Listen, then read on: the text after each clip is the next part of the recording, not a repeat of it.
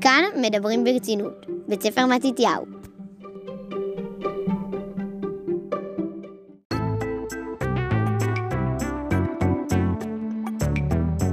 שלום מאזינים יקרים, כאן אריאל תורג'מן, מיתר קהתי, איתמר ביטון, אילי אליאס, אריאל דמתי, מעבירים לכם פודקאסט בנושא לשון ימי הביניים.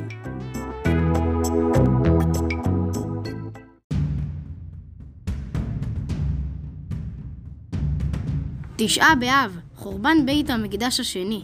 לפני יותר מאלפיים שנה. בני ישראל יצאו לגלות, הארץ נחרבה. אסון גדול. עם ישראל התפזר בגלות. וכל מיני ארצות בעולם. נכון, וגם העברית גלתה. הפסיקו לדבר בלשון חז"ל ולדבר עברית בעולם. היהודים רצו לדבר בשפה של הארץ שהגיעו אליה, ולכן הם דיברו בשפה באותה המדינה שגרו בה. וכך העברית נשארה שפה שמתפללים בה ולומדים תורה. וגם לא היו מפטפטים בעברית.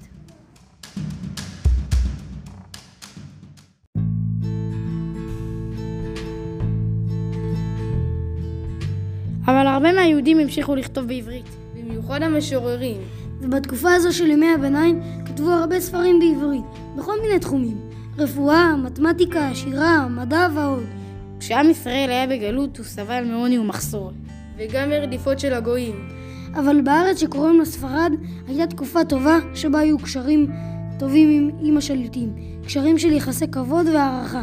ולכן הקשרים הטובים גרמו שליהודים יהיה טוב. נכון, ולכן המשוררים יכלו להתפתח ולכתוב שירים.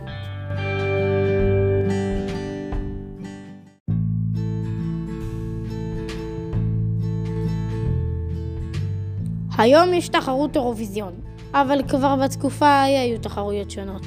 אהבו לשמוע שירים, נהגו להזמין משוררים למסיבות שיקראו לפני כולם. ולמסיבות האלו הגיע האדם שקראו לו יהודה הלוי. יהודה הלוי קרא את שיריו. ונהפך מיד לאחד מגדולי המשוררים בספרד. נכון, כי כולם אהבו את שיריו.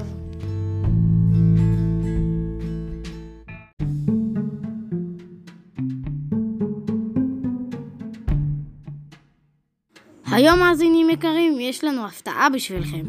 נמצא איתנו היום באולפן רבי יהודה הלוי. שלום רבי יהודה הלוי. שלום רב לכם.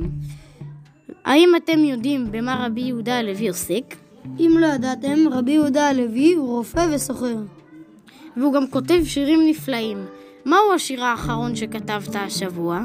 כתבתי שיר שנקרא יפה נוף משוש תבל. במה עסק השיר שכתבת? נחשפה נפשי מפאתי מערב, ומי יתנני על כנפי נשרים, וטעם רגבי חליפים מדבש יערב. למי מהמאזינים שלא מבין, רבי יהודה מתכוון להגיד שהוא מתגעגע מספרד, והלוואי שיכול היה לטוס על כנפי נשרים. וגושי האדמה בארץ ישראל טעימים לו יותר מדבש.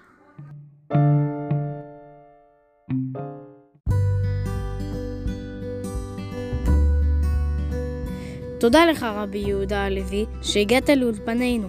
אתם יודעים שגם רש"י חי באותה תקופה בצרפת, והיה משורר עברי? שלום לך, רבי שלמה יצחקי, המכונה רש"י. שלום עלייכם, אדונים נכבדים. במה אתה עוסק? אני משורר, ומכירים אותי בעיקר בגלל שאני מפרש את התורה. הפירושים שלך אהובים ומקובלים על כולם. לא פלא כשהומצא הדפוס, הספר הראשון שהודפס בשפה העברית היה פירושך לתורה. האותיות שבהן כתוב פירושי לא אני המצאתי אותם, אלא זה היה כתב מקובל באותה תקופה.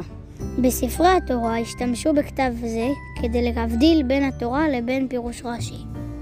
הפירושים שלך לתורה מאוד מיוחדים. לכל אות ולכל מילה יש הסבר והיגיון. ולך יש הרבה ידע וחוכמה. תודה רבה לך על שהגעת לאולפנינו. תודה לכם!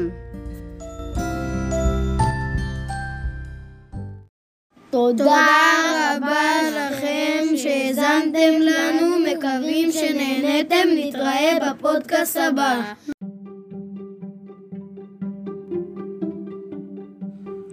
כאן מדברים ברצינות, בית ספר מתתיהו.